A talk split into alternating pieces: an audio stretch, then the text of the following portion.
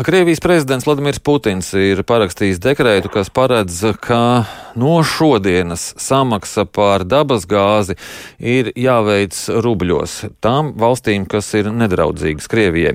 Un nedraudzīga ir visa Eiropas Savienība. Bet eh, ko Krievija varētu vēlēties panākt eh, ar šo prasību? Par to tad runāsim ar Fiskālās disciplīnas padomas locekli un bankas citadela ekonomistu eh, Mārtiņu Āboliņu. Labrīt! Labrīt!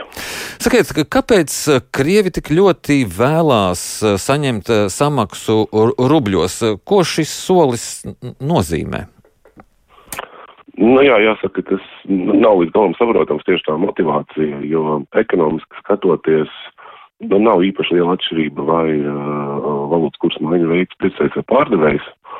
Uh, es domāju, ka šis ir, uh, nu, iespējams vairāk politisks solis, Ja mēs skatāmies ekonomiski, tad um, tādas divas acīm redzamākās lietas, kas varētu interesēt Krieviju.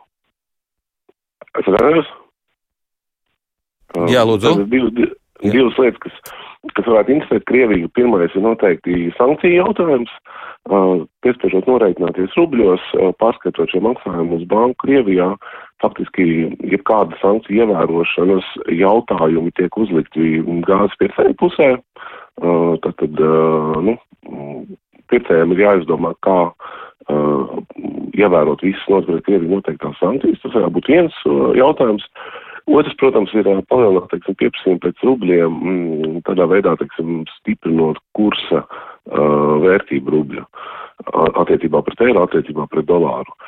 Uh, bet, nu, tas, tas ekonomiski tiešām tie, tie argumenti tādi, nu, neteiksim, ka līdz galam saprotam, tāpēc, manuprāt, tas vairāk ir politisks solis, Um, tas var būt gan vērsts uz iekšējo, mm, teiksim, auditoriju, parādot, teiksim, Krievijas kaut kādu nu, spēcīgu nostāju pret Eiropu, uh, piespiežot maksāt uh, tad par gāzi, par savu eksportu rubļos, uh, un iespējams arī, nu, tā teiksim, tādas varas demonstrācija um, attiecībā pret Eiropu, um, teiksim, parādot to savu tomēr nozīmību, ekonomisko, kas attiec tieši uz, uz teiksim, resursu pieejamību, jo, teiksim, Eiropā nu, aptuveni 40% no patērētās gāzes nāk no Krievijas, un Krievija nu, tā kā cenšas šo izmantot kā tādu svīras instrumentu. Tāpēc, manuprāt, tas, tas ir vairāk tāds politisks um, solis, tāpēc arī Eiropa, nu, tik ļoti varētu būt uh, iestājusies pret šo, uh, jo faktiski tas piedāvātais risinājums, ko Krievija it kā ir piedāvājusi, uh, kad uh, eiro tiek ieskaitīts Gazprom bankā, uh, tur attiecīgi samainīti un noreikins notiek rubļos, nu pēc būtības abas puses varētu arī teikt, ka uh, ir palikuši pie savas, Eiropa samaksā eiro, Krievija saņem rubļos, banka pa vidu veids uh, valūtas kursu maiņu, uh, valūtas maiņu. Uh, bet jā, nu jautājums ir, ir tiešām, manuprāt, tas ir vairāk politisks uh, mēģinājums uh, tomēr to savu savus noteikumus diktēt un parādīt tomēr savu nozīmību.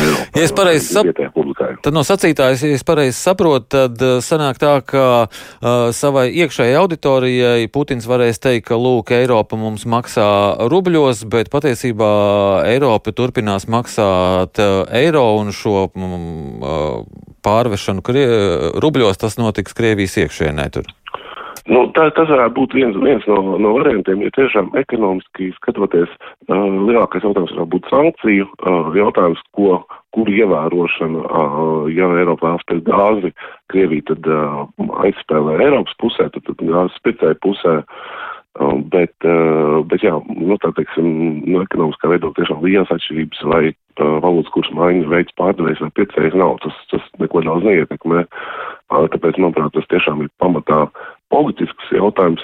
Varbūt vienīgais jautājums, tas ir vairāk vērsts uz iekšējo publiku, tad, tad mēs varētu redzēt tādu, tādu kā kompromisu, kad, kad tiešām Eiropa pārskaita eiro, Krievija saņem rubļus un, un, un visi kā ir uzvarējuši, lai arī tomēr Krievija nu, tā principiāli vēlas, lai, lai Eiropa veic šo maiņu, uh, nu, lai parādītu tiešām, ka ir piespieduši kaut ko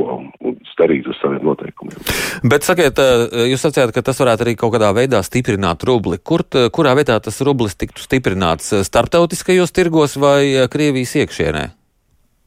Nu, tas, tas būtu, teiksim, gan, gan. Šajā gadījumā, teiksim, tas izslēdz variantu, kad par gāzi noreikinu notiek eiro un šī, teiksim, valūta paliek ārpus Krievijas. Mēs šobrīd saprotam, ir daudz arī finanšu sankcijas un, un attiecībā arī par, par centrālo banku. Tad, nu, teiksim, ja notiek norēķins uz kādu kontu, piemēram, Gazpromam, kas ir ārpus Krievijas, tad uh, norēķins iespējams varētu veikt, bet, bet nenotiek, teiksim, tās konvertācijas rubļos. Uh -huh.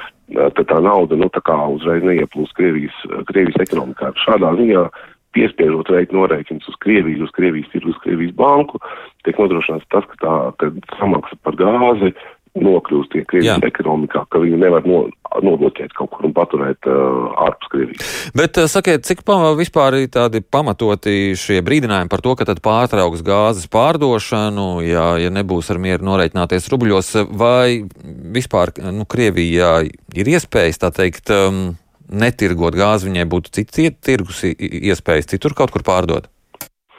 Konkrēti Eiropas gāze Krievijai nav iespējas citur pārdot, jo um, tā ir jau diezgan sen uzbūvēta infrastruktūra, kas faktiski no gāzes laukiem Krievijas rietumu pusē caur, caur vadiem patiešām tiek dotas uz, uz Eiropu.